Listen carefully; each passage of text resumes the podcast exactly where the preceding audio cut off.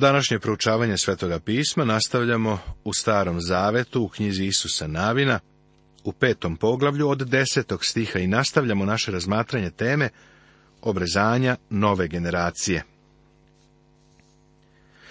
I u duhu i fizički Izraelci nisu poštovali obrezanje koje je bilo simbol Avramovog saveza sa Bogom. Izraelci su četrdeset godina hodali po pustinji, sve dok nisu pomrli svi ljudi koji su izašli iz Egipta, koji su bili ljudi ratnici.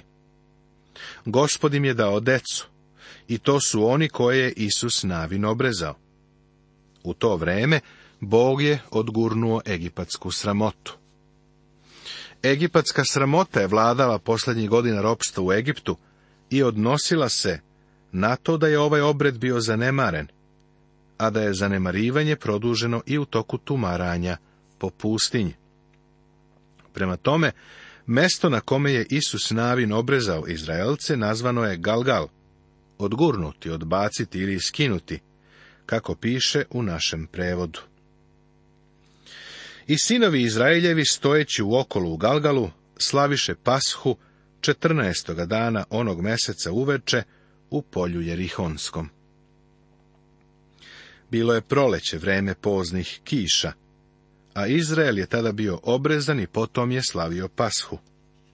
Egipatska sramota je bila odbačena, odnosno skinuta sa Izraela.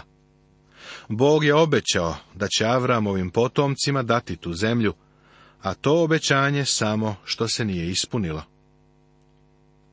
Sve ovo za nas danas ima duhovnu poruku. Stara priroda nije dobra stara priroda ne može da nasledi duhovni blagoslov. Stara priroda ne može čak ni da uživa u duhovnom blagoslovu. Staroj prirodi se neće svidjeti Hanan, kao ni ništa drugo nebesko. U poslanici Galatima u petom poglavlju, u sedamnaestom stihu apostol Pavle kaže, jer plot žudi protiv duha, a duh protiv ploti. Ovo se jedno drugom protivi da ne činite, što biste želeli. Pavle je uvideo da u staroj prirodi nije bilo dobra. Također je otkrio da u staroj prirodi nema sile. Vidi poslanicu Rimljanima sedmo poglavlje. Obrezivanje dece Izraelove jeste uviđanje te činjenice. I sutra dan posle pashe jedoše od žita one zemlje hlebove presne i zrna pržena isti dan. I presta mana sutradan, pošto jedoše žita one zemlje, i već više ne imaše mane sinovi Izraeljevi, nego jedoše od roda zemlje Hananske one godine. Mana je bila slika Hrista, tako nam kaže Novi Zavet. Isus je rekao, očevi vaši jedoše manu u pustinji i umreše. Ovo je hleb koji silazi sa neba, da se od njega jede i ne umre. Ja sam živi hleb koji je sišao sa neba. Ako ko jede od ovoga hleba, živeće do veka. I hleb koji ću ja dati jeste telo moje, za život sveta, kaže Evanđelje po Jovanu šesto poglavlje. Mana predstavlja Hrista u njegovoj smrti. On je sišao na ovu zemlju da svoj život da u otkup za mnoge. Kada je Izrael stigao u Hanan, mana je prestala, pa su počeli da jedu staro žito te zemlje. Božanski posetilac, vojskovođa vojske gospodnje.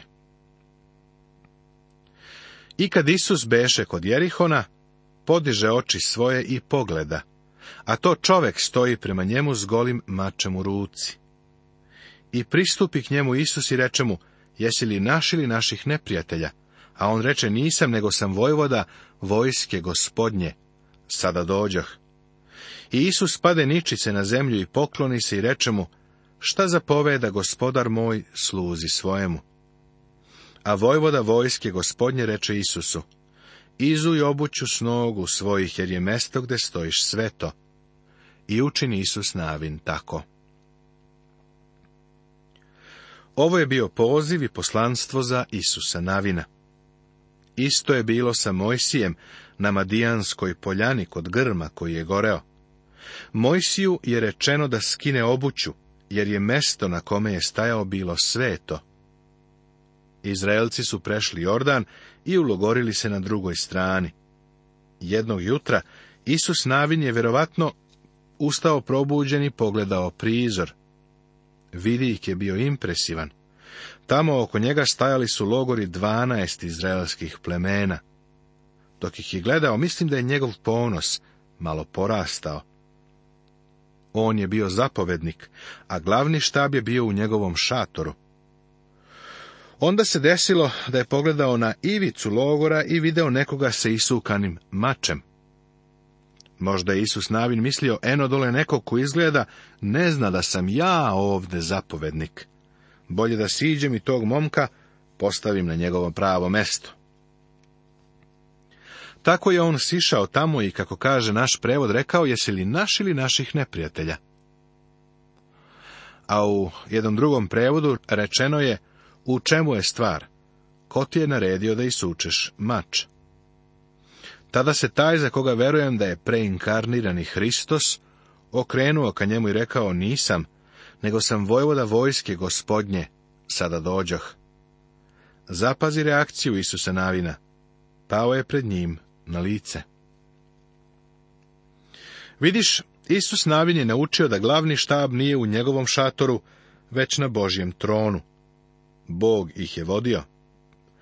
U stvari on nije bio vojskovođa vojske gospodnje, nego je bio pod nekim. I od tog drugog je dobijao naređenja. U sljedećem poglavlju ćemo ga vidjeti kako sa vojskom maršira oko grada Jerihona celih sedam dana. Da si šestoga dana zaustavio Isusa Navine i rekao mu, slušaj, zapovedniče Navin, ludo je ovo što činiš. Verovatno bi ti rekao i ja tako mislim. Pa zašto onda radiš tako, ti ovdje zapovedaš? Isus navim bi ti odgovorio, nisi u pravu. Naređenja primam od nekoga koje je iznad mene. Ja sam ovdje redov po činu. Ovo radim jer mi je tako naređeno. Poglavlje šesto Tema Osvajanje Jerihona Sada kada smo došli do stvarnog osvajanja obećene zemlje, ponovo pogledajmo događaje koji su do toga doveli. Izraelovi potomci su prešli preko reke Jordan na izvanredan način i ušli su u zemlju. Jordan je u letnje vreme reka mirnog toka, ali je u kišnom dobu prava bujica. Kao što se sećaš, kovčeg zaveta gospodnjeg, koji su nosili sveštenici, išao je ispred njih. Kovčeg je naravno predstavljao Hristovo prisustvo. Kada su noge sveštenika stupile u Jordan, voda se povukla. Oni su stajali na sredini reke sa kovčegom na ramenima, dok je ceo narod prešao preko Jordana. Zatim su postavili kamen za sećanje, spomenik. Sada se Izrael ulogorovao na zapadnoj obali reke Jordana. Kakvo je divno i slavno iščekivanje pred njima. Ovo je zemlja koju im je Bog dao, zemlja u kojoj teku med i mleko. To je zemlja za koju im je kazano da je zauzmu. Njihova srca su zbog toga očigledno ustreptala. i očekivanja i radosti ih preplavljuju. Da bi izvojevali pobedu, pred njih je bio postavljen uslov, obrezanje. Bio je to simbol saveza koji je Bog sklopio sa Avramom. Deo tog saveza se odnosio na to da će oni posjedovati tu zemlju. Sećaš se da je Isus Navin pripremio oštre noževe za obrezanje. Kako bismo ovo mogli primeniti u našem životu? Za mene oštri noževi govore o Božjoj reči, koja je brza i silna i oštrija od dvoseklog mača. Može da podeli. U našoj zemlji, u Americi, danas su izbrisane sve granice moralnosti. Ali u Božjoj reči i dalje postoji crno i belo. Treba da se vratimo biblijskoj moralnosti, jer za ovaj, kao ni za nijedan drugi narod nema blagoslova, sve dok se ne vrate Božjoj reči. Sljedeći uslov za pobedu bila je vizija vojskovođe, vojske gospodnje. Zapovednik Isus Navin će od gore primati naređenja.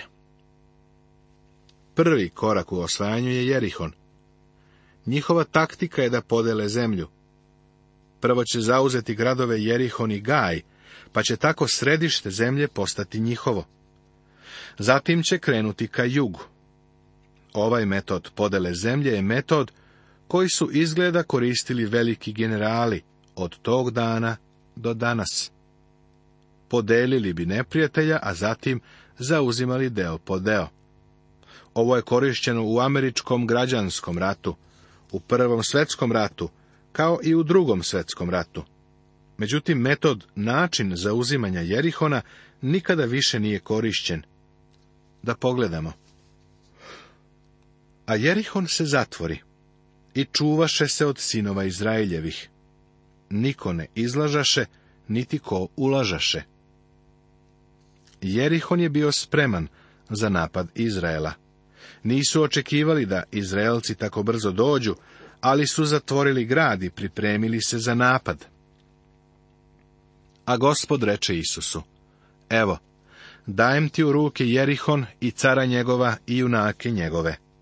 Zato obiđite oko grada svi vojnici, idući oko grada put na dan. Tako učini šest dana. A sedam sveštenika neka nose sedam truba od rogova ovnujskih pred kovčegom. A sedmoga dana obiđite oko grada sedam puta i sveštenici neka trube u trube. Pa kad otežući za trube u rogove ovnujske, čim čujete glas o trube, neka poviče sav narod iz glasa, i zidovi će gradski popadati na svom mestu, a narod neka ulazi svaki naprema se. Dolazi dan velikog poduhvata. Isus Navin tako precizno sledi gospodnja uputstva. A kad Isus sreće narodu, sedam sveštenika nosit će sedam truba od rogova ovnujskih, pođoše pred gospodom i zatrubiše u trube, a kovčeg zaveta gospodnjega pođe za njima. A vojnici pođoše pred sveštenicima, koji trubljahu u trube, a ostali pođoše za kovčegom, idući trubljahu u trube. A narodu zapovedi Isus, govoreći, ne vičite i nemojte da vam se čuje glas, i ni jedna reč da ne iziđe iz usta vaših do dana, kad vam ja kažem. Vičite, tada ćete vikati. Tada obiđe kovče gospodnje oko grada jednom, pa se vratiše u oko i noćiše u okolu. Jerihon je spreman. Vojnici su bez sumnje na zidinama, a stražari na kapi. Visoki oficiri i njihov kadar je u gradu i donose izveštaje sa zidina. Stiže i posljednja poruka dolazi neprijatelj. Isus Navin i izraelska vojska marširaju prema gradu. Ispred povorke je kovčeg zaveta gospodnjeg, koji nose sveštenici, a sveštenici nose i trube. Stražar na zidu uzvikuje, dolaze, spremimo se, idu da napadnu kapiju. Tako se jerihonske snage koncentrišu oko kapije. Spremni su za borbu ako kapija padne. Onda se dešava nešto neobično. Stražar opet dovikuje, ne napadaju ovde, okreću se, kreću se da napadnu drugo mesto. Tako se vojska unutar Jerihona premešta i po mom mišljenju maršira unaokolo unutar grada. Oni sa zidine ih obještavaju. onde su, tamo su, evo ih ovde. Izraelci idu skroz unaokolo i umjesto da napadnu, vraćaju se u logor. U možeš biti siguran. Te noći je bio pravi metež među carem i visokim oficirima u Jerihonu. A sutradan usta Isus navin rano i sveštenici uzeše kovčeg gospodnji. I sedam sveštenika noseći sedam truba od rogova ovnujskih, iđahu pred kovčegom gospodnjim i idući trubljahu trube, a vojnici iđahu pred njima, a ostali iđahu za kovčegom gospodnjim idući trubljahu u trube. I obiđoše oko grada jednom drugoga dana, pa se vratiše u oko, tako učiniše šest dana. I sutradan Izraelci predstavu ponavljaju. Stražar sa uz viku, evo ih ponovo. Izraelci potom marširaju oko zida i vraćaju se u logor. Šest dana svakodnevno čine isto. Do šestog dana ponoćna svetiljka je dugo gorela u vojnom štabu Jerihona. Vojska u gradu je bila umorna od marširanja sa unutrašnje strane zidina. Možda je neko od Izraelaca rekao, ovo što radimo izgleda blesavo. Da si pitao Isuse Navina zašto to rade, verovatno bi ti odgovorio, naređenje dobijam od vojskovođe vojske gospodnje. On mi je rekao da ovo radim, pa to i radim. A sedmoga dana ustaše zorom i obiđoše oko grada isto onako sedam puta. Samo toga dana obiđoše oko grada sedam puta. Onda sedmoga dana Izraelci ponovo marširaju oko gradskih zidina. Stanovnici Jerihona su odahnuli kad su ovi ponovo krenuli unaokolo. I vojska unutar grada je napravila krug a onda je raspuštena, verovatno, jer se smatrao da je to kraj za taj dan. Svi su seli da se odmore, a onda je odjednom stražar uzviknuo, čekaj malo, ponovo će da marširaju. Izraelci su napravili još jedan krug. Obišli su grad tri, pa četiri puta. A kad bi sedmi put da za trube sveštenici u trube, Isus reče narodu, vičite, jer vam gospod dade grad a grad da bude proklet gospodu i što je god u njemu. Samo rava kurva nek ostane u životu i svi koji budu kod nje u kući, jer sakri poslanike koje besmo poslali. Ali se čuvajte od prokletih stvari, da i sami ne budete prokleti uzevši što prokleto, i da ne navučete prokletstvo na oko Izraeljevi smetete ga. Nego sve srebro i zlato i posuđe od mjedi i od gvožđa neka bude sveto gospodu, neka uđe u riznicu gospodnju. Tada povika narod i zatrubiše trube, i kad narod ču glas trubni i povika iza glasa, popadaše zidovi na mestu svom, i narod uđe u grad, svaki naprama sebe, i uzeše grad. Jerihonske zidine su pale. Imao sam privilegiju da posetim Jerihon sa izuzetnim vodičem Arapinom koji je sarađivao i sa Johnom Garstangom i sa Kathleen Kenyon, koji su bili čuveni arheolozi koji su vodili ekspedicije u otkopavanju drevnog grada Jerihona. Garstang i gospodjica Kenyon se nisu slagali oko starosti zidina. Ali bilo je očigledno da su zidine pale. Pošto je ovaj vodič Arapin radio sa obe ekspedicije, pitao sam ga šta on misli o starosti drevnog Jerihona on se složio sa Garstangom. Smatrao je da kada je Garstang tamo stigao, on nije bio tako naučno potkovan, niti je uradio posao koji je obavila gospodica Kenyon. Pošto je sve uznemirio i narušio, svima onima koji su kasnije dolazili bilo je nemoguće da daju tačnu procenu. Pa neka se prepiru oko toga. Sve što mene zanima jeste da Bog kaže da su zidine pale, a dokazi za to postoje i danas. Vera vernika ne počiva na arheološkim iskopavanjima. Verom padoše jerihonski zidovi kada se sedam dana obilazilo oko, kaže poslanica Evrejima u 11. poglavlju, 30. stih. Jerihon za vernika predstavlja svet. Ovo je snažna, teška i proročanska slika. Pobeda zavisi od vere. Jer sve što je od Boga rođeno pobeđuje svet, i ovo je pobeda koja je pobedila svet, naša vera, kaže prva poslanica Jovanova u petom poglavlju, u četvrtom stihu. A poslanice Evrejima 11. poglavlje nam otkrivaju kako je vera delovala u svim dobima, u životima izabranih Božijih slugu, kada su se ovi suočavali sa svetom i verom ga nadvladavali. Ponekad slušamo pesmu Isus Navin, Jošua, borio se za Jerihon. Pitam se da li je, ne nije, uopšte se nije borio. On je samo marširao oko grada. Ko se borio? Bog, prijatelju. Mislim da je svako objašnjenje nepotrebno i smešno. Neki kažu da se desio zemljotres baš u onom trenutku kada su sveštenici počeli da duvaju u trube i sav narod kada je počeo da viče, pa je udar srušio zidove. Drugi opet kažu da je stalno maširenje Izraelaca oko zida oslabilo zidine, pa su pali. Pa možeš verovati šta hoćeš. Meni se sviđa ono što piše u Božjoj reči. Bog je izvojevao pobedu, Izrael je zauzeo grad nastavit će se.